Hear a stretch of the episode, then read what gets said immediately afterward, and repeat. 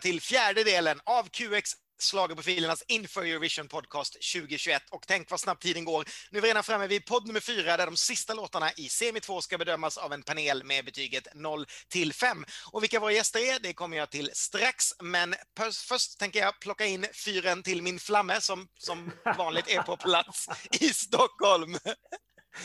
God day, det är Ronny Larsson som alltid vid din sida, Ken Olausson. ja, vad härligt. Hur är läget nu när vi går in i den här sista delen? Så har det känts bra hittills? Ja, men det har känts bra. Det har, det har varit en liten dipp här på, på sistone. Jag kände inte lika kanske entusiasm inför första halvan av eh, semi 2 som jag gjorde inför första halvan av semi 1 eller ens andra halvan av semi 1. Så nu hoppas jag att det blir lite bättre. Nu får du ta och spela lite bättre för musik för mig, Ken. jag lovar, jag ska plocka ut någonting bättre bara för dig. Um, då tänkte jag ta in vår första gäst och uh, vi har ju då hållit på 14 år med vår blogg, så det bär ju lite emot att säga det här, men vår första gäst är kanske i stort sett synonym med slagerbloggande i Sverige och kanske lika synonym med det som man är med sina kepsar. Det finns ingenting som den här killen inte har koll på och när ni lyssnar på den här podden, då befinner sig han redan på plats i Rotterdam och skriver hem om varje lite felsjungen ton som håller på att tas på scen i detta nu. Välkommen hit Tobbe Ek! Tack så jättemycket. Eh, och jag har ju i bloggen jättemånga gånger inspirerats av er kära schlagerprofiler, mina frenemies. Eh, så jag tycker att det är jättekul att jag får vara med här och tycka till om årets Eurovision-låtar igen. Det är så härligt att ha med dig, för du får ju aldrig tycka någonting annars egentligen väl, i tidningen? Nej, inte i tidningen. Jag, jag, tycker ju mest hela tiden, men, men jag kanske inte har några favoriter riktigt. Inte så uttalat och speciellt inte i Melodifestivalen. Och vår andra gäst, hon startade som tävlingsryttare och realitystjärna på SVT, men efter i år så tänker hela Sverige bara på henne som popstjärna med låten Beat of Broken Heart, som placerade sig framför veteraner som både Danny och Charlotte Perrelli i Melodifestivalens resultatlista. Dessutom så måste jag säga att det är rätt skönt att välkomna en gäst här stenålderspodden som inte åt chips framför tjock-tvn när Tommy Körberg tävlade med Stad ljus. Helt enkelt för att hon inte var född då. Välkommen hit, Klara Hammarström! Hej allihopa! Tack så mycket för att jag får vara med. Var det så? Åt ni chips på, med liksom tjock-tv ja, absolut. då? Eller alla? Absolut. absolut. Gamla gubbar som vi är. Ja, men jag vet. Och det blir lite så när vi bjuder in våra vänner, att det, man, man känner så här, det är ju inte ungt ibland, även om vi själva kanske inte ser på oss, så är vi ju, vi var ju med ganska, har ju varit med ganska länge om man säger så, så det känns härligt. Ja, men lite ny, ny, litet barn i podden då, det är bra. Klara, det var inte bara så att det var tjock-tv, vi hade bara två tv-kanaler. Oh, just det, men alltså jag skulle tycka alla så här, ja, enklare val ändå. Alltså nu, nu sätter sig fram tvn, är det ettan eller tvåan? Ja, det blev ettan. alltså, så. och det, dessutom så var det ju liksom bara tio låtar och, och det var typ två, som, två, tre som var kanske var lyssningsbara. Sen var ju resten så utfyllnad. Ja, men då, då, då, slog man ju på riktigt om man hade en bra låt. Då, då kunde man ju leva på det länge antagligen. men det var liksom tio låtar i Mello. Hur många var det kunde vara Eurovision? 18? Alltså nu är det liksom 42 eller 39 som vi går igenom i år. Det är också helt, helt vanligt. Det var inte så många länder. Ja. Nej. Eh, nej, men otroligt kul att ha med dig. Det ska bli jättekul. Ja, men så himla roligt. Ja. Eh, nej, men vad säger ni? Ska vi, ska vi helt enkelt bara ta och köra igång? Absolut. Ja, vi är tvungna trots att det börjar med skitlåtar. Oj, förlåt. ja, jag, jag blev lite så här, jag har ju lyssnat in, eh, lyssnat lite på alla låtar vi ska gå igenom här och alltså jag, jag tänkte bara, gud, är, är jag så här hård eller är, finns det fler låtar i Eurovision? Tänkte jag, ja, det gör det, hoppas jag. Då tänkte jag bara Tusse i bakgrunden. Jag tänkte bara, Tusses låt, det är ju med, så det måste ju finnas fler. Det måste finnas fler. Alltså jag, nej, vi kör igång. Det finns garanterat fler, men just nu så får vi nöja oss med Serbien.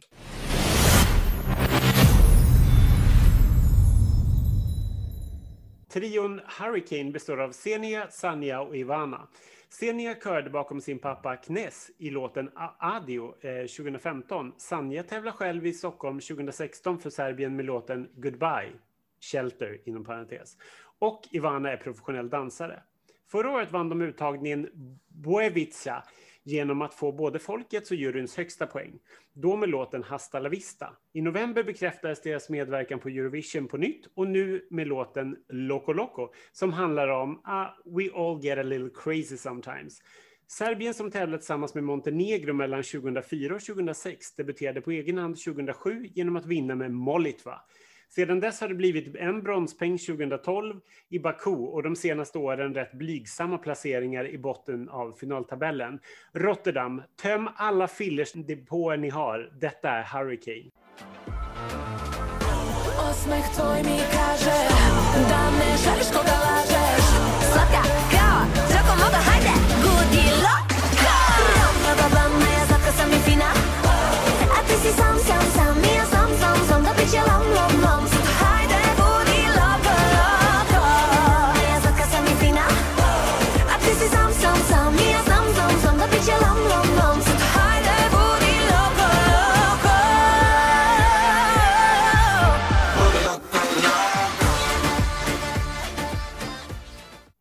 alltså, jag vill ju så gärna tycka om det här. Det är tre coola brudar. Jag älskar tjejgrupper. Jag, vill, jag gillar det här med attityd. Men tyvärr, alltså, ingenting i det här fastnar hos mig. Jag blir liksom inte glad. Det blir bara tillgjort. Det blir... Jag, nej, jag, jag, kan, jag kan liksom inte... Jag, det här är en sån här låt som jag verkligen på pappret skulle älska. Och sen så när jag hör den så känner jag bara... Uh, gud vad tråkigt. Så det här är alltså, ja det är ju en svag tvåa. En svag, ja, men, jo, men jag, jo, det är min första låt. Jag säger en svag tvåa. Alltså vad skönt att du... Gud, jag har också satt en tvåa, tyckte jag. Och jag, jag hade i anteckningarna här att det kändes, ja, men som du säger, det kändes, det kändes inte nytt och jag vill så gärna gilla det för att det, det känns, det känns, ja, men det är girl power i det här. Men sen så, alltså musikvideon fångar en, det är lite kul, men det är inget nytt och det känns 2010 har jag skrivit eh, i mina anteckningar. Att det känns lite 2010 över att det har. Det finns så många låtar som också är de här loco, loco, men så kommer in den här. Det lyfter aldrig liksom. Men en, en fräsch låt att höra på om man är ute på stranden någon gång och som alltså tyst i bakgrunden. Där hade jag väl haft den. Förstår ni? Mm. Jag kan inte heller säga så mycket ont om det här. Jag håller med er båda två. Jag älskar det absolut inte. Jag lyssnar inte jättemycket på det. Men det är ju så här, det är så här Eurovision-pop rakt av. Mm. Jag, jag, gillar, det jag gillar med det den här zom, zom, zom hooken. Eh, och jag skulle nog tycka att det var kul om vi hade varit, om jag, vi hade fått åka till Rotterdam som vanligt så hade jag ju säkert rusat på dansgolvet just i det här sammanhanget om den hade spelats. Men jag kommer inte rusa till Ronny när han slager DJ i Sverige och bara mm, kan ni spela Serbien 2021 liksom. Måste, en, en sak som jag tycker är kul är att, att de inte har översatt den, för har man ingenting att säga och hur många danspoplåtar har det liksom, då behöver man inte, då kan man göra det på ett språk som ingen annan förstår men som man själv behärskar. Det tycker jag brukar vara, det kan vara ett problem i Eurovision att folk tvingar sig själva att sjunga på engelska för att de tänker att då ska folk förstå vad vi sjunger. Men det behöver man faktiskt inte göra här och då tycker jag det är rätt härligt att en sån här låt är på eh, originalspråk. Eh, jag är nog lite snällare då än, än både Tobbe och Klara och ger en svag trea åtminstone till den för att jag vet att det kommer bli mycket, mycket värre alldeles, alldeles strax. Så jag hamnar, jag tycker det här, det här är ändå en trea. Ja, men det är, en, det är verkligen en oförarglig låt. Liksom. Det är, det, nu fick jag faktiskt bilden framför mig att det här hade man ju tyckt om väldigt mycket om man hade varit på plats i Rotterdam, om det hade varit ett riktigt Eurovision. Då hade man ju dansat till det här liksom. Det hade varit superhärligt. Men, eh, men nu, det, det, det, det, blir en axelryckning. Men i den här semin där det inte är så mycket bra, så tror jag ändå att det, det skulle kunna funka ändå, tror jag. Um, om de gör det snyggt på scen och sjunger rimligt. Om de sjunger som de är lika fierce liksom utseendemässigt så kommer det här inte bli några problem. Och de har ju faktiskt eh, Eurovision-erfarenhet, i alla fall två av dem. Så att jag, ja, men jag ger det här en, en stark två i alla fall. En, en inte jättestark start, men ändå, när vi lämnar eh, Serbien och inte hoppar allt för långt till Georgien. Eh, Georgien använde förra året sin variant på Idol för att välja sin representant och vinnaren blev 33-åriga Tornike Kipani. Han var redan ett bekant namn i landet för han har även vunnit Georgiens X-Factor eh, 2014 och han har även försökt få representera sitt land i Eurovision 2017. Men då kom han bara på plats 23 av 25. Men i år, då fick han som precis som många andra det här året eh, ett frikort in i tävlingen eftersom han då som sagt vann förra året med en låt som han skrivit alldeles själv. Här är låten You.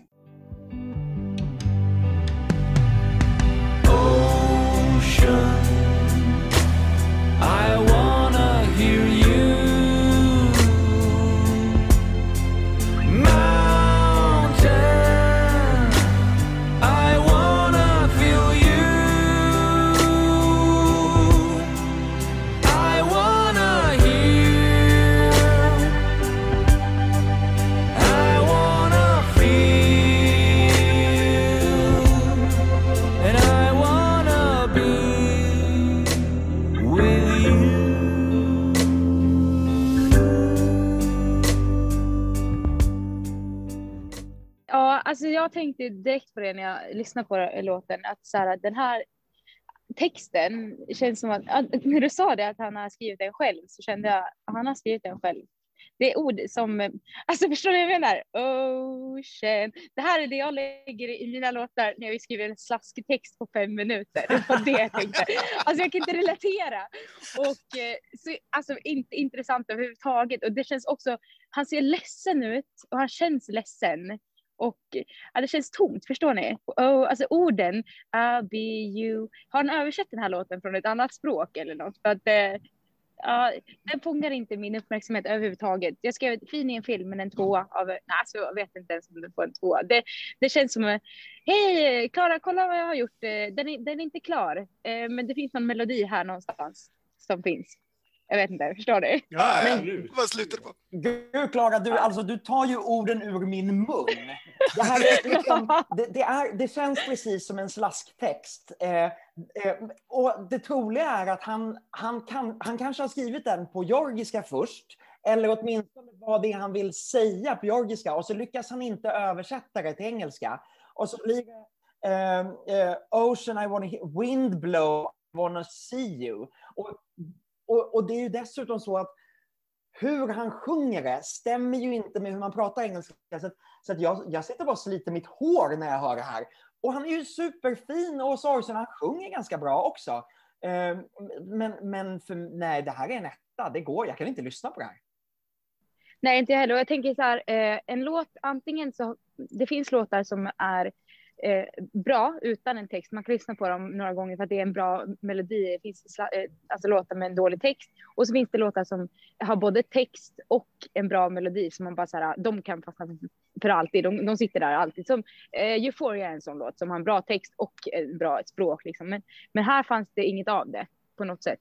Nej, jag, kan, jag börjar med att läsa det här som jag hittade i ett Eurovision-fans eh, forum idag.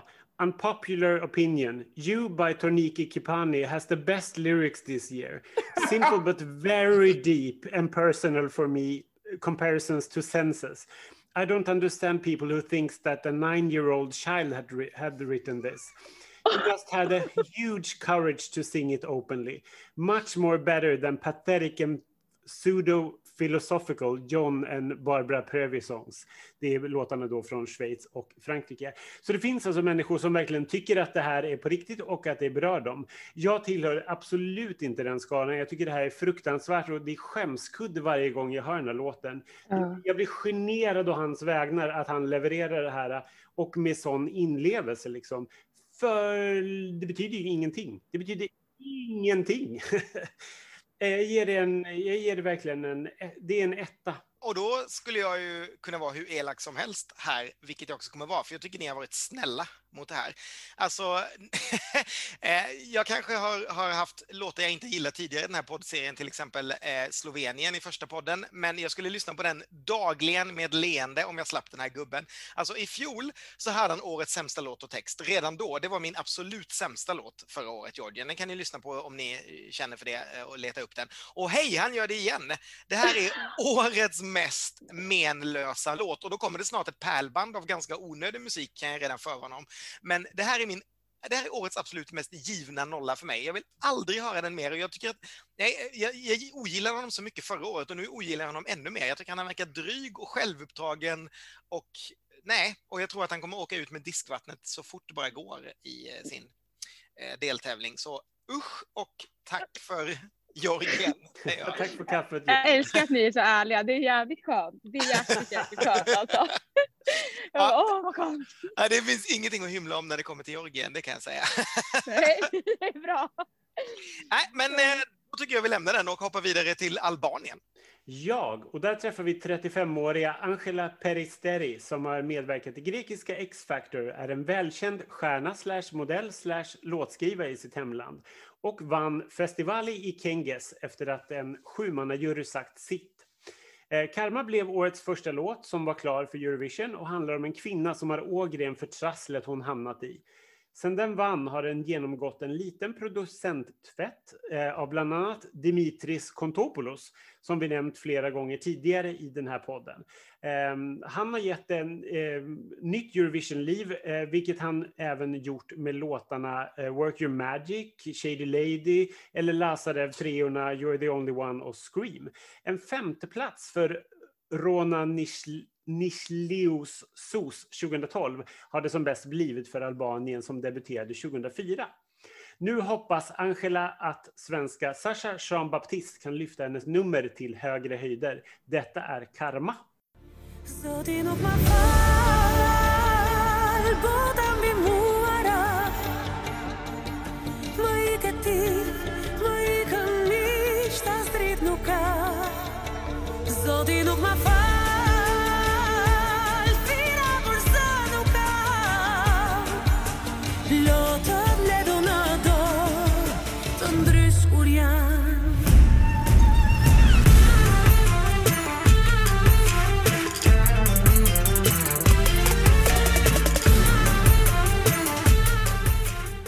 Kan det bli mer Albanien i Eurovision än en mustig kvinna med stor röst som gapar fram ett etniskt drama?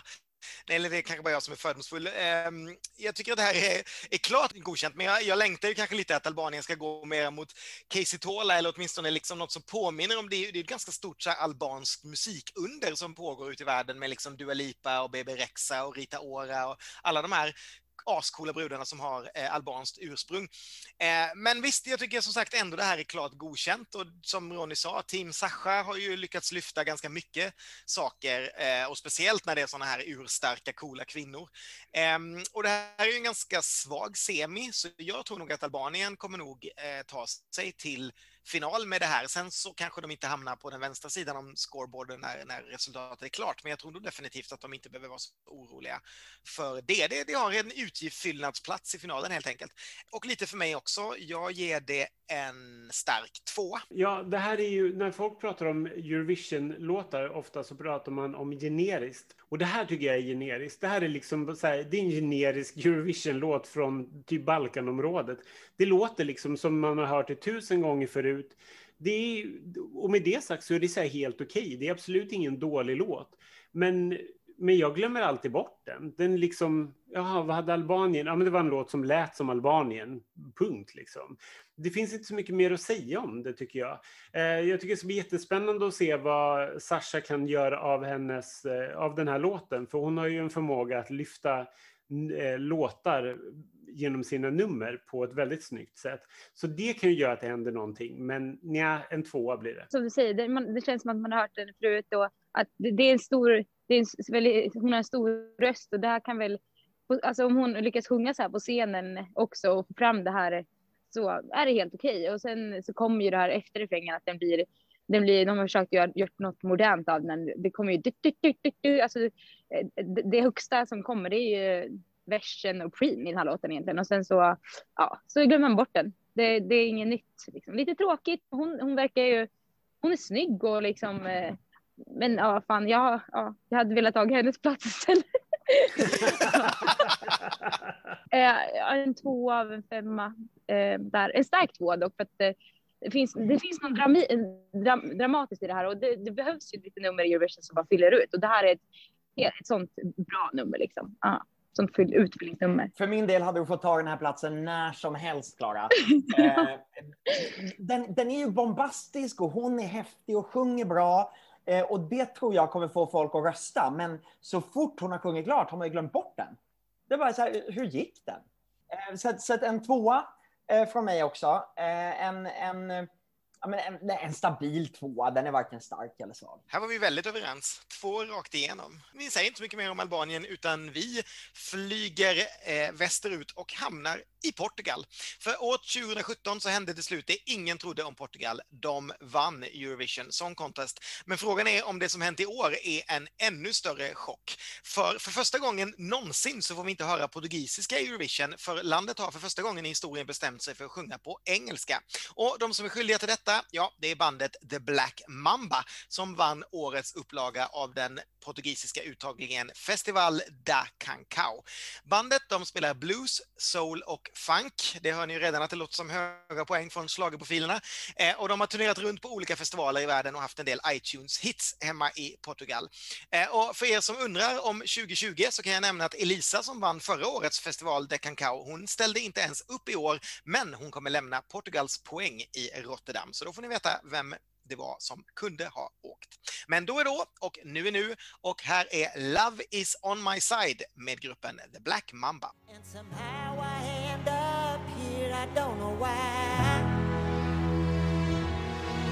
I still believe that love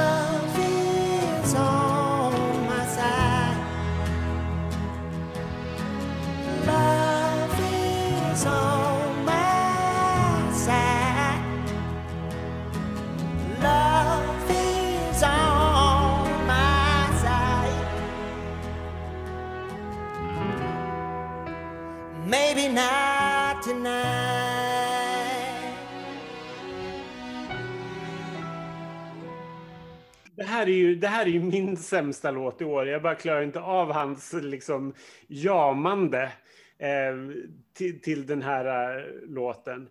Nej, det här är inte alls min påse. Jag tycker det här är riktigt dåligt. Jag tycker det är att hatten av för, och verkligen på alla sätt med tanke på att han har hatt när han sjunger det här. Hatten av för att, han, för att Portugal gör någonting helt nytt och sjunger på engelska. Det känns ju fräscht. Men, eh, men, men låtmässigt är det ju fortfarande lika dåligt som det, som det brukar vara. Eh, en, en, typ en av, en, vad säger man, en gång på 20 år så kanske de lyckas få till en låt som man gillar. Men det här är ju inte en sån. Gud vilket bös. Noll poäng. Alltså jag tycker lite annorlunda. Jag tyckte faktiskt, alltså jag tyckte han vad intressant. Nu, den här delen av låten var, eller den här delen vi spelade upp här, den var lite tråkig. Och det var det som jag tyckte var tråkigt att när, när, när jag tryckte på start och kollade första gången så var jag så här, det är inte Eurovision överhuvudtaget, det är en helt annan låt någonstans. Men nej, jag tyckte faktiskt att, jag tyckte om det här blues och jag tyckte han var lite speciell. Så att jag tyckte, alltså jag, jag, jag vet inte, det passar bara inte in i Eurovision, det är det jag skrivit här. Bra låt, alltså jag skulle vilja, jag kan sitta och höra den på radio. Men det når inte klimax någonstans i hela låten. Och eh, den passar inte Eurovision. Men jag tyckte att, alltså, eh, ja, den är helt okej men absolut inte någonstans i Eurovision. Men okej låt för att den är så här, ni vet en låt som man bara kan sitta och lyssna på när man dricker lite vin och äter ost. Förstår ni? Ja, Men inte Eurovision. Så en, och där, därav en stark tvåa. För jag tyckte han var speciell. Men det, det kändes ju verkligen inte Portugal över det här. Över, överhuvudtaget. Vad härligt, för det här kommer en nolla till från mig Ja. i samma podd. Två nollor i samma podd. Nej, men jag- jag hör ju också att det här har en del kvaliteter. Eh, Men vad är det med att sjunga sådär jamande i Portugal? Det gjorde ju liksom Sobral också. Vad är det liksom? Det- behöver man väl inte göra? Ah, Okej, det funkar inte alls för mig. Eh, Jag förstår absolut vad, vad Klara säger. Jag förstår att alltså den här gruppen har sina fans och så vidare, men jag connectar ju inte alls med det och jag tror nog inte alls heller att det funkar i Eurovision. Jag, jag är nog ganska säker på att det här kommer nog komma rätt sist i den här eh, deltävlingen tyvärr. Jag tror inte ens att det är något som lockar jurygrupperna. Så alltså, tack och adjö och en nolla till från mig. Och jag håller med eh, både Klara om att det inte är Eurovision och Ken att den nog är fullständigt chanslös. Men det här är låten som jag, alltså varje gång jag har hört den på en spellista, Eurovision-spellistan, så efteråt fastnar den och jag går och sjunger på den Mm. och så är jag tvungen att gå och kolla, men vilken låt var det? Mm. Och sen så ser jag att det är Portugal och så bara, men jag tycker ju att Portugal är skitdåligt. Exakt så där tänkte jag också. Alltså, ja. Och- och, så är det ändå så jag går och sjunger på den. Så det, den har någonting för mig. Eh, jag, jag har liksom, jag, den får en stark två av mig. En stark tvåa, men jag vågar inte, nej den är ju absolut ingen trea, men en stark Men jag, hade, tvåa. jag hade ju skrivit en trea här innan. Alltså jag hade gjort det, men det är ju inte Eurovision-trean. Men alltså av låten. Den går ju inte hem Ja. överhuvudtaget. Alltså ju, står ju där och är tråkig, men det är fan en låt som kommer kunna sitta. Den sitter kvar i huvudet och det säger någonting. Men det, man vill bara säga nej.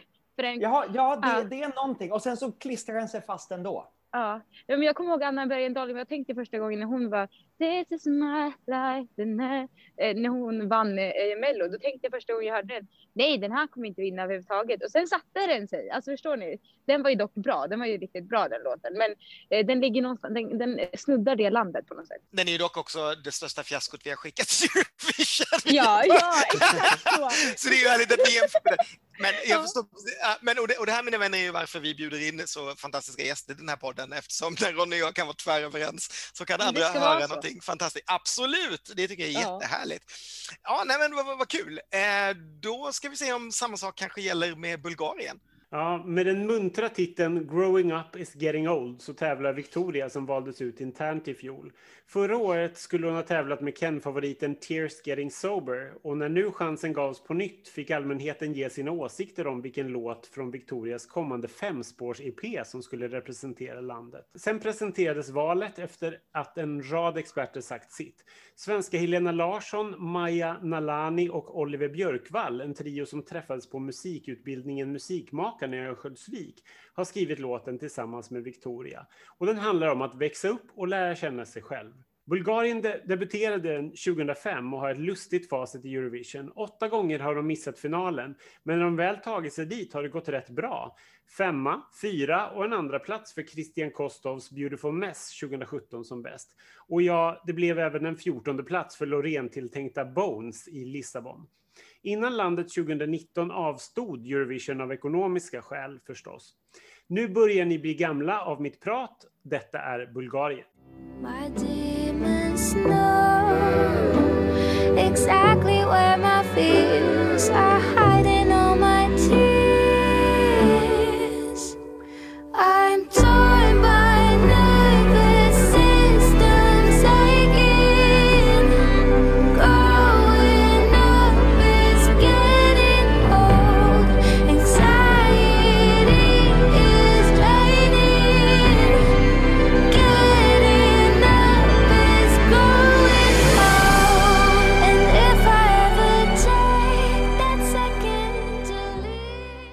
det här är ju en jättefin Billie Eilish wannabe.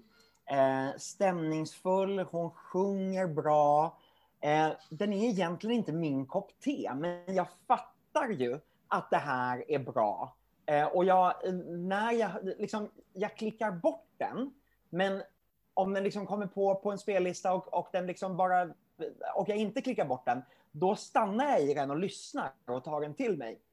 Och det är li lite likadant som jag gjorde med Arcade i början, eh, Duncan Lawrence låt. Så, att, så att det här är, ja, men det här är en trea, kanske till och med en stark trea för mig. Även fast den inte är min kopp te. Ja, nej, det här eh, tycker jag inte är så kul. Ehm, den här har ju legat ganska högt i oddsen, vilket överraskar mig lite grann. För jag ser inte vinnarkvaliteter i den här låten. Jag tycker att förra årets låt var jättebra och den berörde mig jättemycket. Men det här tycker jag bara, det, det är liksom inte så här, det, det är väl lite Billie Eilish korsat med någon så här ljuv Disney-musik från 20, från typ 40-talet. Eh, 50-talet kanske. Eh, men, men jag kan liksom inte se vinnargrejen i den. Jag tycker att det är lite för ljumt. Det liksom lyfter aldrig. Jag ser bara de här små blå tecknade fåglarna som klär henne i någon, någon skir blomsterklänning. Eh, jag ger det här en två. Jo, men jag håller med där. Att det är liksom, verkligen som ni säger, att det är lite Billie Eilish, de här låtarna har ju blivit eh, stora nu från TikTok, många av de här, eh, alltså driver license. och jag tror att det är därför den har toppat eller lagt, lagt, upp, lagt högt, uppe på några listor eller att oddsen har gått upp liksom, för jag tror inte den här har någon större chans på scen. För att den är fin första gången och man kan säga åh, men sen att sitta och titta i publiken och lyssna på det här, det når inte upp. Och det eh, absolut, men det finns, det finns fler gulliga tjejer som kan sjunga bra som eh, kommer sjunga en bra refräng ur en låt också som får en uppåt. Det känns som att eh, jag blev lite, man blir lite ledsen, jag blir lite ledsen när jag hör en sån här låt. Alltså, jag vet inte, att det känns bara tomt. Fin röst, fin låt, men eh, nej, en, en stark två av en femma. Det är en fin musikvideo också. Men ja, inget nytt. Eh, TikTok, den, den kommer kunna gå på TikTok, den här preen eller versen liksom, som, som folk lägger upp, ut på sina så här, hundar och Så, som gått bort. Det är en sån låt som kommer ligga där. Ja. Ja, nej men det- är lite roligt med Bulgarien, för precis som med Island så var de ju jättefavoriter förra året. Så har de tappade ganska mycket. De ligger ganska högt på oddsen, eh, men inte, jätte, inte liksom svinhögt. Och fansen har ju tappat Bulgarien helt. Eh, och jag, jag är väl inte säker på om det är jätterättvist, för att nej, jag tycker absolut inte att det här är klass med Tears Getting Sober. Den, den, eh, den berörde mig också mycket mer, men, men det vet ju inte folk som röstar i år. Och de kanske är lite mer sugna på det här Billie Eilish-soundet. Eh, Sen är det ju inte heller så mycket Billie Eilish som i fjol. Du har helt rätt Ronny, det här är ju lite mera Disney-ballad. Det är mera hennes liksom stil, att hon nog gärna vill vara lite Eilish, men de, de har ju lite känt som att de gled iväg mot det när de valde denna låten och inte någon av de andra som de hade och, eh, och välja mellan. Och det kanske är smart. Jag menar, Billie Eilish var ju superhet 2019 och kändes som det skulle kommit i massa varianter 2020 och nu har man ju inte hört sådär jättemycket av henne eh, eh, på, på senare tid som man, som man gjorde just då. Ehm, så att, ja, Tears Getting Sober var ju en solklar liksom fyra, femma. Eh, och det här är nog en solklar trea för mig. Eh, jag tror att de lätt kommer ta sig till final. Jag tror de kommer suga åt sig jurypoäng.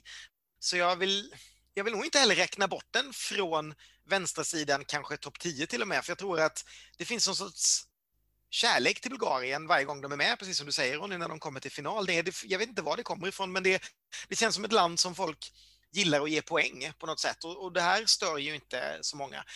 Um, men hon, det känns ju inte supernära att vi ska åka till Sofia så här innan vi har sett repen, det kan jag inte säga. Så det får en trea av mig också. Ja, men då kanske vi ska hoppa uppåt till ett av de nordiska länderna som vi har kvar. Eh, Finland. Finlands uttagningsprocess under covid påminner ganska mycket om Sverige, för de körde på som vanligt med sin uttagningstävling UMK och förra årets vinnare Axel, han fick en av de ordinarie platserna, precis som The Mamas, men i slutändan så vann han inte, precis som The Mamas. Han kom femma, för övrigt, om ni undrar om det. Eh, men med en förkrossande seger så vann istället rockbandet Blind Channel med sin låt Dark Side. Och faktum är att 54 procent av publikrösterna, det, det låter ju som ett svårt rekord att slå eh, vilket år som helst. Men som vi berättade i podd Rätt så vann ju The Roop med 86 på procent av publikrösterna, så det här var lite fel år för de här grabbarna om de ville ha någon sorts rekord. Eh, Blind Channel då, de har funnits sedan 2014, de har släppt en rad album och singlar, men det är just med Darkside som de har fått sin första etta och blivit megastora i Finland. Och en kul grej för oss svenskar kan väl vara att grabbarna tycker att Lorens Euphoria är en klart mycket bättre vinnare än Hard Rock Hallelujah. Det kanske ni vill ha i bakhuvudet nu när vi lyssnar på Finland.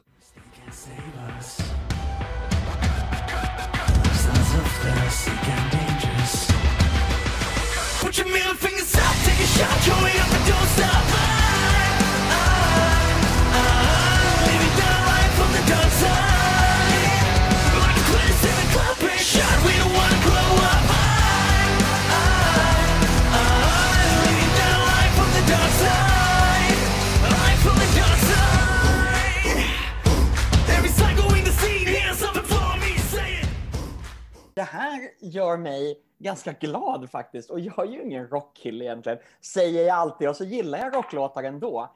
Eh, det här är ju så typiskt Finland. Det, det är så mycket Finland så att det kan inte vara mer Finland än så här skulle jag säga. Men jag tycker att den har en effektiv refräng. Eh, och de, eh, ja, men, de gör sin grej. Jag tycker, jag tycker att det här är en stabil Ja. Ja, nej, men jag håller med att det här är ju liksom, det, är ju lätt att tippa UMK, för att finns det rock så vinner det.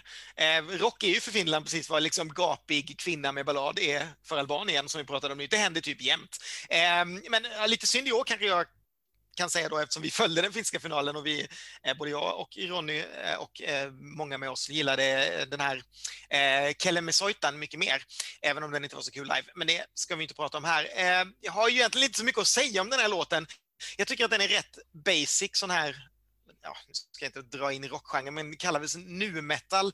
Och så tycker jag hela den här Put your middle fingers up är liksom lite mer Bolibompa än vad det är hardcore rock, måste jag säga. Och jag spelar inte den direkt ofta, jag är ju verkligen ingen som lyssnar på sån här musik. Men jag tror det kommer gå ganska bra för Finland. Eh, den här typen av ganska lätt förstådd rock, den har ju alltid sin publik och de krånglar ju inte till det, utan vem som helst kan ju köpa det här oavsett vilket land man, man kommer ifrån. Ehm, så äts det inte helt upp av italienarna som vi ska lyssna på i nästa podd så tror jag det kan gå riktigt, riktigt bra för Finland. Men jag ger det nog säsongens svagaste trea, men ändå en tre. Ja, alltså ja, ja det, här, det här, det är inte min stil överhuvudtaget och jag, nej, jag, jag ser inte någonting kul i den här låten. Jag tyckte i så fall, om jag ska bedöma någonting som med rockare, så tyckte jag Lilla Syster i Melodifestivalen i år, det hade en mycket mer melodisk eh, eh låt. Och sen tycker jag inte han sjunger vidare bra heller, en av killarna. Men jag förstår att, jag förstår låten, eller alltså jag förstår att den har gått vidare och att det är rock som gäller. Men för mig är det ingen vidare så här skön. Jag, jag, jag, nej, jag kommer inte ihåg den. Den låter bara skrikig i mina öron. Så en, en svag tvåa för mig. Det var ett högt betyg för en låt som bara lät skrikig. Kom igen. Ja, men alltså jag, nej, men jag förstår ju, jag förstår ju grejen. Alltså det är rock, det är bara inte jag. Men man kan ju också lyssna på rock. Ja, men, som jag säger med lilla syster, de blandade ju upp poppen så att jag kunde förstå på riktigt. Men här, okej en etta då från min sida, för jag gillar inte det här typ. Ja. Jag vill inte vara taskig eller, för det är ju en annan typ av musik. Men ja, jag gillar, alltså. Men det kan säkert gå bra för dem, för det finns en stor publik som gillar det här och som fattar grejen. Men jag gör inte. Um, jag vet inte. Det är så svårt för mig. Jag är lite inne på så här och håller med Klara för att jag, det är ju liksom inte, det är inte min genre. Jag, jag, för mig blir det så här. Jag, vill säga så här, jag hör att det är bra, men det hör jag ju inte alls. För att det är också så här, jag tycker också att det låter väldigt så här, generiskt. Alltså det är så här, eh, jaha, det är, det är rock och så bara, ja, det är rock, punkt. Det har liksom inga så här nya spännande inslag eller ljud eller någonting, utan det är bara, det, det liksom låter som rock har låtit ganska länge nu, tycker jag. Eh, och det gör det ju rätt ospännande. Men med det sagt så är det, känns det ju fräscht i de här sammanhangen, för vi hör inte rock, och framförallt inte kompetent rock så ofta, som också har en helt okej refräng. Ehm, så därför tänker jag att det går nog ganska bra för Finland ändå. De tar sig absolut till final, men sen hur det går där, det har jag, det har jag ingen aning om. Men, och jag, jag, jag tror ju mer på Italien som är lite vassare i rockfacket än eh, Finland. Eh, jag sätter i alla fall en, en stark två för det här eh, och, och lägger huvudet på sned och säger jag förstår det här i alla fall. ja, vad fint. Um, ja, nej, det är väl inte så mycket mer att säga om Finland. Jag tycker att vi hoppar lite strax söder om Finland och då hamnar vi i Lettland. Ja, precis. Genom åren har det ju funnits mycket att skratta åt när det gäller Lettlands Eurovision-försök.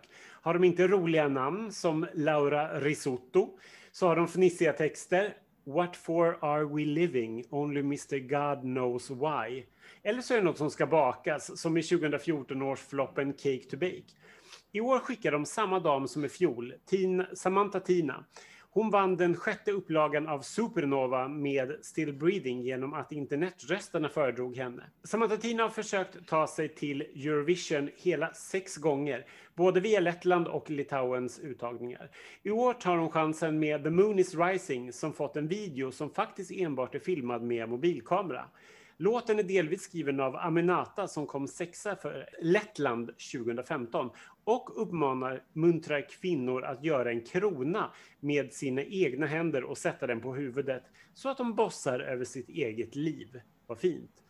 Sedan vinsten 2002 med Marie Ens I wanna är det just Aminatas sjätteplats som sticker ut i ett hav av icke-kvalificeringar till final. Nu kanske kronan sätts på plats, eller ja, i alla fall med en gest. Detta är Lettland.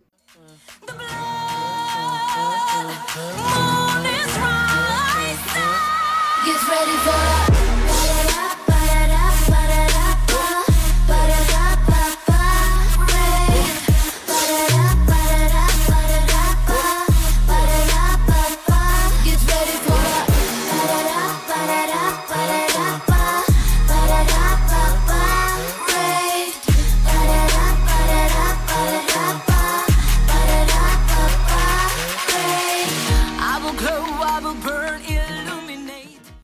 Aminata har ju lyssnat några gånger för mycket på Beyoncé innan hon klämde ur sig den här. Eh, och det är ju absolut inget fel på Beyoncé och man kan verkligen ha långt färre, värre förebilder om man ska skriva en låt till någon. Men jag är inte så säker på att Samantha Tina och Eurovision synkar helt och fullt med Queen Bee.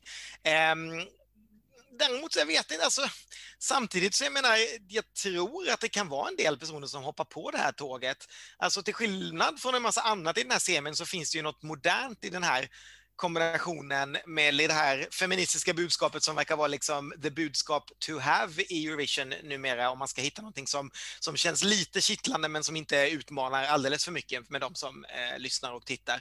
Eh, låten är ju absolut inte mer än etta hos mig. Det, det kan jag ju säga direkt och det kanske också har mitt förhållande till, till eh, modern Beyoncé-musik än vad det har med eh, låtens kvaliteter. Men nej, jag, jag, tror väl att Lettland tar sig till final, eh, för det är lite skräpigt här. Jag tror säkert att de kan få till någonting på scenen med det här. Men nej, det är ju aldrig, aldrig, aldrig mer än en etta och det handlar ju dessutom om min smak så det är till och med en ganska svag etta. Vad ska jag säga som inte redan är sagt? Det är en, det är en modern låt, det är det ju. Det är det ju. Den, den har, jag gillar att den har ett driv i alla fall. Eh, sen, så, och i det här havet av ganska tråkig musik i den här deltävlingen så tycker jag ändå att det sticker ut. Och jag tycker, att det, jag tycker ändå att det är lite coolt med den här videon med massor med kvinnor i olika färger och former som formar händerna som en, en krona. Eh, låtmässigt, nja, det är inte riktigt min påse. Jag ger en, en tvåa i alla fall och tycker att det är helt okej. Okay. Och framförallt så är det betydligt roligare att göra, göra upptempo än tråkiga ballader. Ja, jag håller med där, verkligen. Alltså det, jag, jag tycker, hon har ju ett nytt sound i den här jämfört med alla de andra. Och om hon sjunger som, som det låter i demon så finns det några delar i låten som faktiskt, som faktiskt är bra. Alltså, det är bara jag har lite svårt för att när det kommer en refräng och så, så kommer det Alltså att, att inte, du behöver inte kunna sjunga för att det ska eh, vibe, alltså så här, förstår ni? Man skulle vilja ha att det lyfter, att hon sjunger där. Eh, men att det är, det är en, här, en låt, eh, jag vet inte, den, den står ut lite från de andra. Jag, jag får lite så här sassy. Om man, om man hade jag tror, jag tror att den tar sig vidare för att de andra låtarna är så pass så här, tråkiga och ledsamma. Så här kommer det i alla fall en låt som ger folk lite power. Det, det behöver man. Och sen så är den kanske lite, lite hård.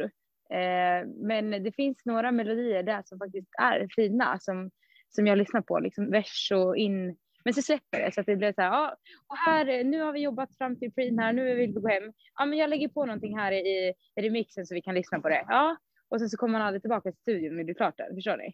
Det var la, la på oss lite grejer liksom. Men eh, hon är ju queen liksom och det, vi behöver ju någon sån. Eh, jag ger henne en, en två av en femma för ja, eh, hon, om hon dansar och sjunger lika bra så. Men jag tror inte hon gör det. Annars hade de haft en bättre refräng. Det är det. Så det här tycker jag är så svårt. För jag tycker att det här är så jäkla dåligt. Ja, det, det, det är så bedrövligt. Eh, så, att, så att jag bara så här. Oh, och så tänker jag, jag vill aldrig höra på det här igen. Men å andra sidan så är jag ju livrädd för att få ett startfält i finalen som är ballad, ballad, ballad, ballad, ballad och man sitter där och nästan liksom vill ta fram kniven och börja skära, skära sig för att allting är så deppigt. Och då vill jag ju mycket hellre få en sån här låt som drar upp tempot lite. Eh, och sen så är det här med budskapet och liksom eh, hon är power och, och i videon så är det ju väldigt mycket inclusive, man har med olika typer av, eh, av, av kvinnor som behöver lyftas och drag queens och så. Men jag tycker att låten är så jäkla dålig. Nej, nej det blir en etta från mig. Så ett. Yes, men ändå. Det är ju inte sämst eh, i den här semin enligt oss, så eh, det blev en total sex poäng för eh, eh Lettland. Då tar vi oss till Schweiz. Och när vi startade första podden med första låten i första semin så sa vi om Litauen att de var en av de få som återkommit med samma hype. Men nu när vi är framme vid eh, näst sista låten i andra semin så kommer väl kanske den enda låt och artist som kan trumfa det uttalandet. För eh, Johns Tears, eller John Muhermai som han heter i passet. Han föddes i Schweiz med albanska föräldrar och sitt artistnamn det tog han efter att han har rört sin morfar, eller farfar, ganska oklart, till tårar med sin version av Can't Help Falling In Love som barn. Eh, Johns Tears, han kom bra i talang både i Schweiz och i Albanien och dessutom så kom han en bra bit i franska The Voice och därefter så valdes hans låt Respond Moi ut internt i fjol. Eh, låten blev som sagt en omedelbar favorit och det var nog inte bara jag som mumlade lite om att det var en one trick pony och en lyckträff och hur skulle man kunna göra detta igen när man sen då bestämde att Johns Tears skulle komma tillbaka även i år. Men när årets låt To Universe. Jag förstår inte varför jag får alla de här franska låtarna. Jag sa fel på Maltas låt hela tiden för två poddar sedan och nu kan jag inte uttala den här heller. Men när den släpptes, då slog John alla på fingrarna då låten tokrusade upp i topp på oddslistorna och den har stadigt legat där någonstans i topp fem sedan dess. Eh, bland låtskrivarna så hör, ser vi förresten Wouter Hardy. Han var en av männen som skrev Arcade. Så ska han vinna igen på hemmaplan för ett nytt land? Det återstår att se. Här är Schweiz.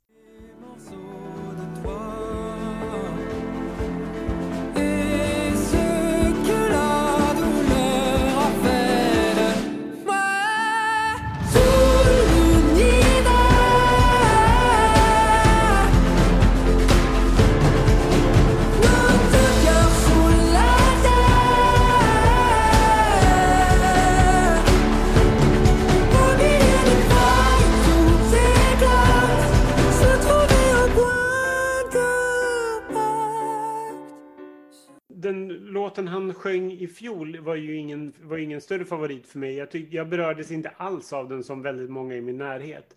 Eh, så att jag var bara så här, men suck, det här är ju typ samma låt när, när jag fick höra den här låten. Eh, sen har den, varje gång jag hör den så, bli, så tycker jag ändå att så här, men den, den har ju absolut någonting såklart. Alla som tycker att den är fantastisk bara, men suck redan att du har fattat det.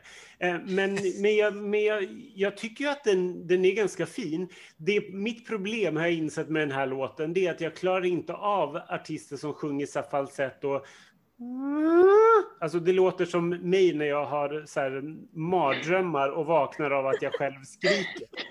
Eh, det, har jag, det ljudet har jag jättesvårt för. Eh, för jag får lite så här ångest av det. Men eh, jag tycker att det är, en ganska, det är en ganska fin låt. Däremot så är det ju döden för tävlingen om det här går och vinner. För förra året, så eller för förra året så vann ju liksom en pianoballad och så ska ytterligare liksom en pianoballad vinna. Eh, och dessutom så ska vi behöva åka till Schweiz som första land, som är världens dyraste land typ, eh, nästa år. Vilket inte alls känns speciellt roligt. Så nej, jag hoppas inte att det här vinner, men jag är helt fine med att det kommer tvåa och det är jättekul för Schweiz att de äntligen liksom har lyckats på något sätt, för det har inte gått jättebra för dem eh, sen Céline Dion kammade hem segern 1988. Eh, jag ger det här en eh, tre. Nej, jag, jag fattar inte grejen. Alltså, jag, det enda jag vill göra det är att sjunga låten själv. Alltså förstår ni? Det, uh, alltså jag bara, ge, om en, en, en voice, om man har en röst som han eh, tydligen ska ha, så varför, varför sjunger han inte ut? Tänk om han skulle liksom... Eh, da, da, da, da, da. Den skulle bli så mäktig och han bara... Eh. Alltså jag får lite panik på det, precis som du sa. Och nej, jag, det nej, jag vet inte. Jag känner, det känns liksom dött. Jag vet inte, jag tyckte inte alls, jag tycker inte alls om det här eh, överhuvudtaget. Den är fin, alltså så här, men det här, det här är så här en bakgrundslåt i en film till när någons, eh, någon får reda på att någon har dött. Så känner jag. Och det är tråkigt. ja, jag, ja, jag tycker så. Tvåa. Alltså, Klara, du, du hittade den formuleringen som jag har letat lite efter. Det här med att, liksom, wow, vad det här hade varit häftigt om det hade varit en riktig power i det. Om det tagit i och tryckt med från, från tårna liksom. För att jag tycker att den är väldigt, väldigt fin. Men det blir väldigt mycket bakgrundsmusik. Ja, jag, jag skulle bara vilja, alltså, som du säger, alltså, om man bara hade fått texten, jag hade bara sjungit ut och bara ta i från magen. Då hade det blivit något. Och jag, jag, sätter, jag är ändå snällare i betyg än här. Eh, för jag tycker ändå att den är väldigt fin. Men det blir en trea från mig. Men tänk om det hade varit lite, så här, lite, lite tryck i det här, lite power. Så hade det, men det hade verkligen kunnat lyfta. Och sen hade man kunnat göra en häftig dansremix på det också. Då ska jag gå lite emot det, för jag tycker att det här är bra. Eh, riktigt bra. Jag tror till och med att jag gillar den här bättre än vad jag gjorde med den i fjol. Och, och eh, till skillnad från vad man brukar känna då när jag kommer till sådana här poplåtar så gillar jag nog den här för att den låter mer Eurovision än vad den gjorde i fjol i sin uppbyggnad. Eh, jag tycker att det är en riktigt, riktigt snygg låt. Jag tycker han verkar härlig. Eh, det jag har sett honom, tycker att han verkar duktig på eh, liksom talangfull rakt igenom, sympatisk. Ehm, och det här är helt klart en av mina tio topplåtar i år. Däremot så är det lite konstigt då när man säger att det är ens tio topplåt så är det verkligen inte en låt jag lyssnar mycket på. Jag har liksom svårt att få till ett tillfälle i livet där den här låten passar in, vilket kanske förklarar när Klara säger att den mest passar till när någon har dött. Ehm, för att det är liksom Ja, men den har inte så värst många spelningar. Om jag skulle ranka liksom vilka som har spelats mest av låtarna i år så, så inte den här topp 10. Men jag tycker att det är en av de Eh, tio bästa låtarna, så det, det är ju lite märkligt. Men som sagt, snygg låt, bra artist. Jag tror det kommer bli skitsnyggt på scen där i ytterligare ett Sasha-nummer och de har sagt att de ska inte ha honom vid ett piano för att det inte ska bli en annan arcade, eh, även liksom stilmässigt och inte kännas liksom som, som en upprepning. Eh, men jag tror det här kommer självklart vara en toppkandidat ändå när det ska slåss om, om segern eftersom den kommer nog få en hel del jurypoäng. Eh, men visst, heja Malta, det säger jag fortfarande, och heja Grekland eh, som är bäst i den här semin, men Schweiz är ändå en, en, en av mina favoritlåtar. Men en fyra, en väldigt, väldigt stark fyra delar jag ut i betyg. Och då slutar vi semi 2 i Danmark. Allra sist ut i årets semi är alltså våra sydvästra grannar Danmark. Duon Fyr och Flamme som vann Melodi Grand Prix ganska jämna superfinal med Övers på Hinanden består av Jesper Groth och Lauritz Emanuel. De är en nystartad duo som i fjol fick en dansk hit med Menske Förbruer. Den var, precis som denna låt, skriven av Lauritz Emanuel. Ja, det är han vid synten, eh, som är han som skriver låtarna. Passionen för retroestetik och Melodi Grand Prix fick killarna att 2017 börja prata om att bilda Fyr Flamme, som betyder eld och flamma. Eh, Jesper är en känd skådis som bland annat sett i Sjuksystrarna på Fredenlund. Och Lauritz har sjungit i bandet The Grenadines. Under parollen tonårsidoler som dina föräldrar kan fatta har de frälst danskarna och Övers på Hinanden har blivit den första Eurovision-låten som toppat danska topplistan sedan Emily de Forests Only Teardrops 2013. Um, ehm, de har heller ingenting emot att ställa upp i Melodi Grand Prix igen och därmed bli 20-talets svar på Tommy Sebach. För de säger själva, ja då vet man ju vad man gör i mars i alla fall. Efter Rasmussens nionde plats och Leonoras tolfte plats kommer nu Fy och Flamme. Kan de genom att Danmark för första gången sedan 1997 skickar en låt på danska sätta fyr på Europas röstare? Klapp, klapp, detta är Danmark.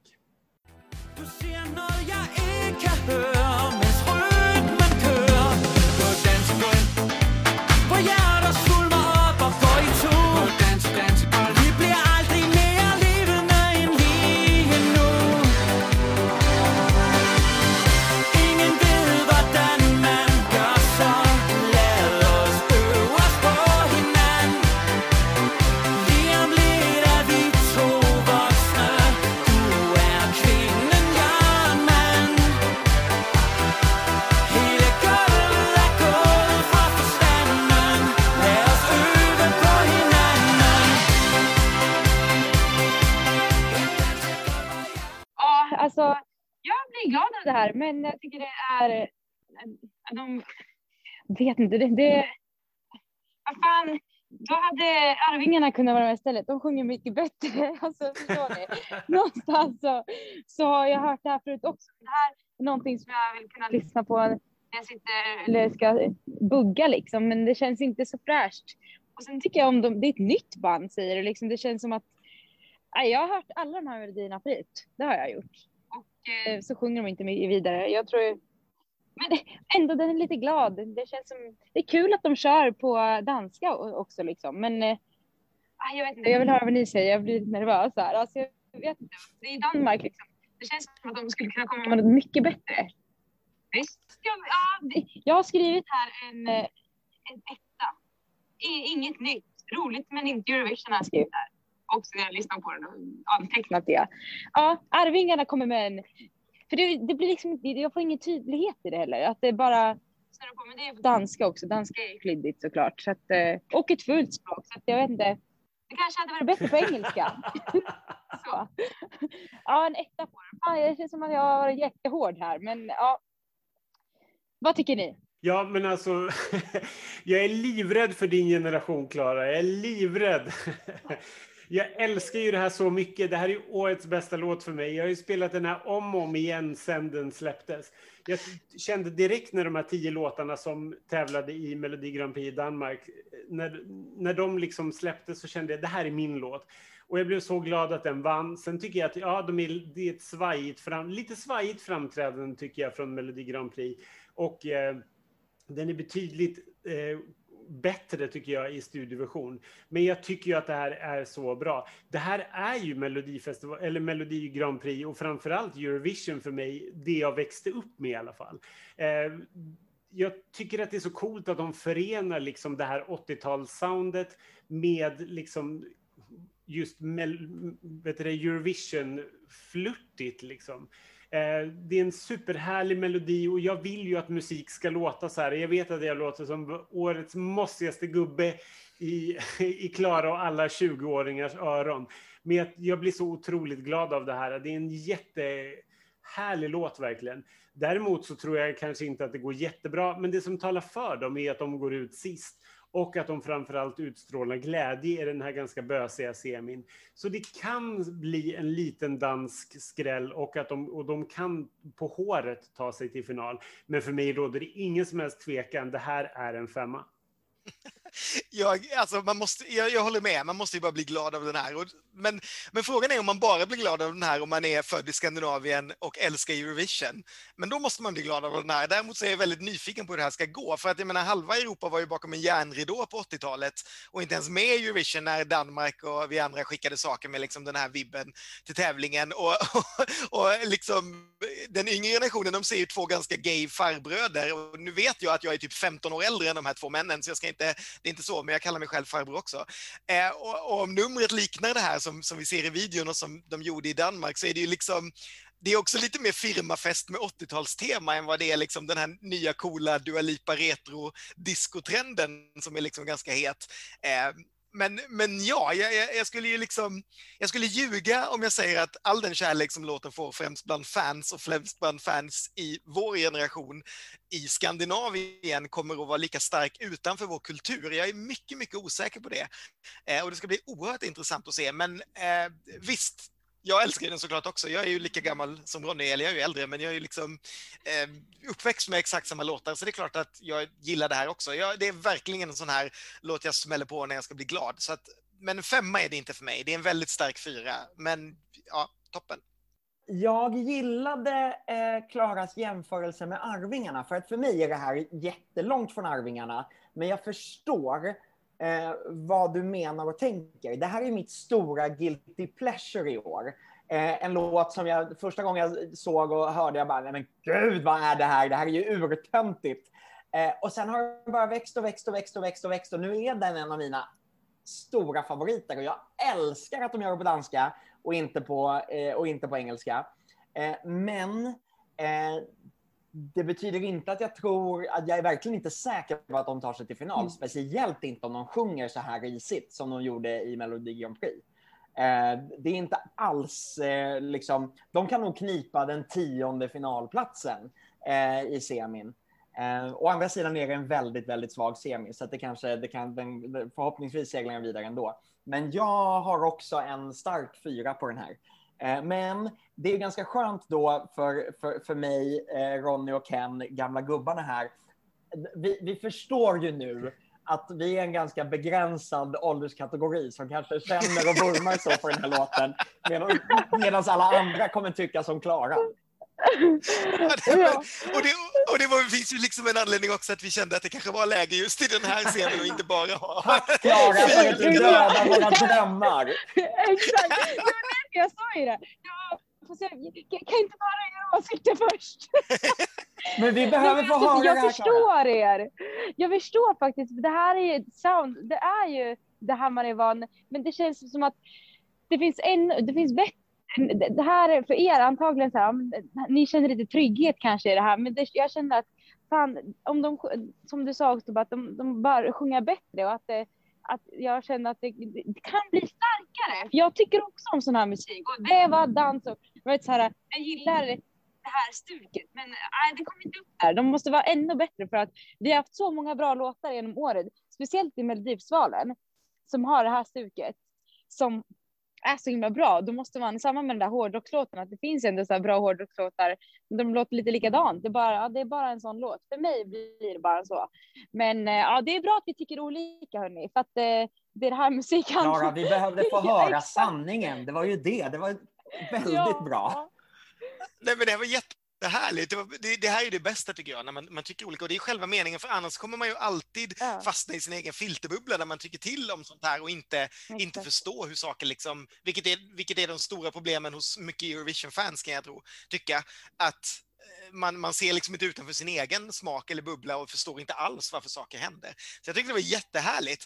Men då har vi lyssnat igenom alla låtarna och då kan jag berätta för er att den som fick mest poäng var ändå Danmark till slut. Men det var precis, den fick 14 poäng före Schweiz 12 och Bulgariens 10. Därefter hade vi Finland och Serbien på 9. Vi hade Albanien på 8, Lettland på 6 och sen de två bottennappen från Georgien och Portugal på 4 poäng.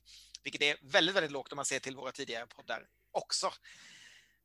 Ja, så är det med det. Har, ni, har, ni, har du lyssnat på några flera låtar, Klara, som inte är med i den här podden? Har du någon koll på årets? Har du någon favorit? Ah, Ja, eller jag är inte så himla insatt. Jag har dock en stark eh, magkänsla om att, eh, att Tusse kan göra väldigt bra ifrån sig. Eh, och eh, nej, men jag, jag har inte varit så bra. Jag har hört någon som har varit uppe på topplistan, men inte, inte så. Jag ska bli bättre och sätta mig in och jag ska verkligen sitta och kolla på Eurovision nu. Jag la ut igår på Tusse och vi ska heja på honom, alla från Sverige. För jag tror att han, han kan ha, efter att ha lyssnat på de här nio låtarna, så alltså, ja, då, du vet inte, han hade inte kunnat vara med på skalan alltså. Det är så. Så att, eh, nej. Men ni då? Ni har ju full koll. Jag är lite ledsen över att Tusse inte är med i den här semin kan jag säga efter att ha lyssnat igenom allt här. Jag tycker att det är starkare i den första och speciellt andra halvan av första eh, semin tycker jag finns väldigt mycket. Är det någon man ska eh, speciellt in och lyssna på, tycker ni, som jag ska här, Ja, man säger Tobbe som har hört lite mer och, och kanske kan tipsa om Ja, men, något. eh, du ska absolut lyssna på, eh, på Malta och på Litauen skulle jag säga. Eh, de, de, de sticker ut och de, eh, de finns med där uppe bland... Och det är dessutom så här upptempo-låtar som jag tror att du också kan gilla av den anledningen. Eh, Nice. och jag vet inte, vad säger ni Ukraina också eller säger ni snarare liksom Frankrike? Jag är nog med. Vi har inte, vi har inte pratat om Frankrike än, så jag kan inte avslöja så mycket, men Ukraina vet jag fick väldigt mycket höga poäng i, i den podden. Eh, den är ju någonting helt eget, eh, etno vibban, Jo, vibbande. fa- fast upptempo-etno liksom. Mm. Grekland har också hyllat eh, mycket i, den podden som vi släppte senast. Grekland är ju min, Eh. min personliga största favorit, men, men det är också för att den är så här 80-tals nostalgisk. Mm, nice. Men den är ju härlig, för den är ju lite, eller i min värld då är den ju, är den ju lite mera Dua Lipa än vad det här är. Alltså jag tror den, hon är ju, vad är hon, 18 år tjejen, så jag tror det kanske kan vara lite mera applicerbart på en, på en yngre generation än just fyr och Det är bra. Oj. Nej, Jag ska hålla koll. Jag måste avslutningsvis fråga, eh, Klara, det gick ju så bra i Mello. Har du, kommer vi få höra någonting mer från dig, eh, liksom eh, låtmässigt snart? Absolut, jag jobbar för fullt på min uppföljarsingel. Idag var jag hos Dotter och hennes pojkvän Dino. Vi har varit där ganska mycket nu de två senaste veckorna. Jag har ju några låtar som jag hade tänkt själv eh, inför Mello det här året. Så jag, ja, men jag, jag hade typ tre, fyra låtar som var väldigt, väldigt starka och bra. Och eh, de funkar ju även utanför Mello. Så jag har en låt eh, som jag speciellt eh, gillar väldigt mycket som, som ligger lite grann i samma land, men lite poppigare. Och eh, den blir så jävla bra. Alltså herregud, jag dör när jag hör den. Så att, eh, jag, vill, jag väntar på en prod idag och sen så, så är det dags att släppa och sen så vill jag släppa ännu mer och ännu mer. Eh, men jag vill göra en stor låt som kan gå på radio som kan följa upp med Beat of Broken Heart som ligger någonstans där. Jag, jag håller fortfarande på att hitta mitt sound någonstans. Mm. Men ehm, ja, ni, ni ska få se. Det kommer. Härligt, alltså kombinationen dotter-Klara kändes ju som det vattnades i munnen på en Melodifestival och Eurovision. ja. Älskar det. Ja! alltså, vi, man kan inte tro att vi är så pass lika. Alla så här, men ni har ju ganska mycket tillsammans. Eh, ni är väldigt olika. Fast Så här, alltså, vi, vi, vi, är väldigt, vi är väldigt lika på många sätt och så här, kompletterar ganska bra. För jag förstår vad hon säger och menar och sen kommer hon med väldigt bra idéer som jag bara, nej, jag tycker inte sådär. Och så möts vi någonstans på ett mitt som blir väldigt, väldigt snyggt. Och hennes pojkvän som sitter på och proddar som har gjort alla hennes låtar. Eh, vi är ju hemma hos dotter och, och gör det här och hon har ju studio hemma. Eh, han är ju helt fantastisk. Så snabb, vet exakt vad man ska göra när. Och sen Linnea Debbe också med på den här låten som jag eh, jobbar med idag. Så det är jäkligt kul. Men gud, det låter, det låter som något du ska skriva upp Tobbe och sen lägga på din lista om ett, Ja. typ om ett halvår när det börjar så här ryktas om mellogrejer. Så bara, kom ihåg det här. Jag har skrivit Ja. upp, nej. Mm, exakt, exakt. Ja, skriv upp Superlove, för det heter den förhoppningsvis. Oh. Eh, men, men vet du, det kommer, jag, det kommer jag inte läcka någonstans, utan det kommer vi istället liksom höra oss för eh, när, Ja. när det börjar närma sig. Spännande. Ja, det är bra. Det, det är bra. Och hur känner du Tobbe för Rotterdam nu? Är du pepp på att åka? Är du som packar väskan snart? Eh, alltså, vet du vad? Jag är fortfarande fullständigt utarbetad efter Melodifestivalen. Så att jag har liksom, min pepp har inte riktigt kommit igång än. Eh, eh, men, men jag kommer, jag håller på nu. Vi fick precis en fjärde akkreditering godkänd. Eh, så nu kommer jag kunna boka in en, en, en till kollega som ska med ner. Eh, och så där. så jag, jag, det börjar smyga in lite. Och sen så kommer det ju, det kommer, jag kommer vara superpepp nästa vecka när, när, när jag är på plats. Då vill jag bara säga ett supertack till både Klara och Tobbe för att ni ville vara med. Det var jätte, jättekul att ha er med här. Verkligen. Och så vill jag tacka er- alla er som har lyssnat. Det kommer ytterligare en podd, men jag hoppas också ni har lyssnat på de tre vi har släppt tidigare. Ha det alldeles fantastiskt allihopa. Hej då! Hej då! Hej Hej då!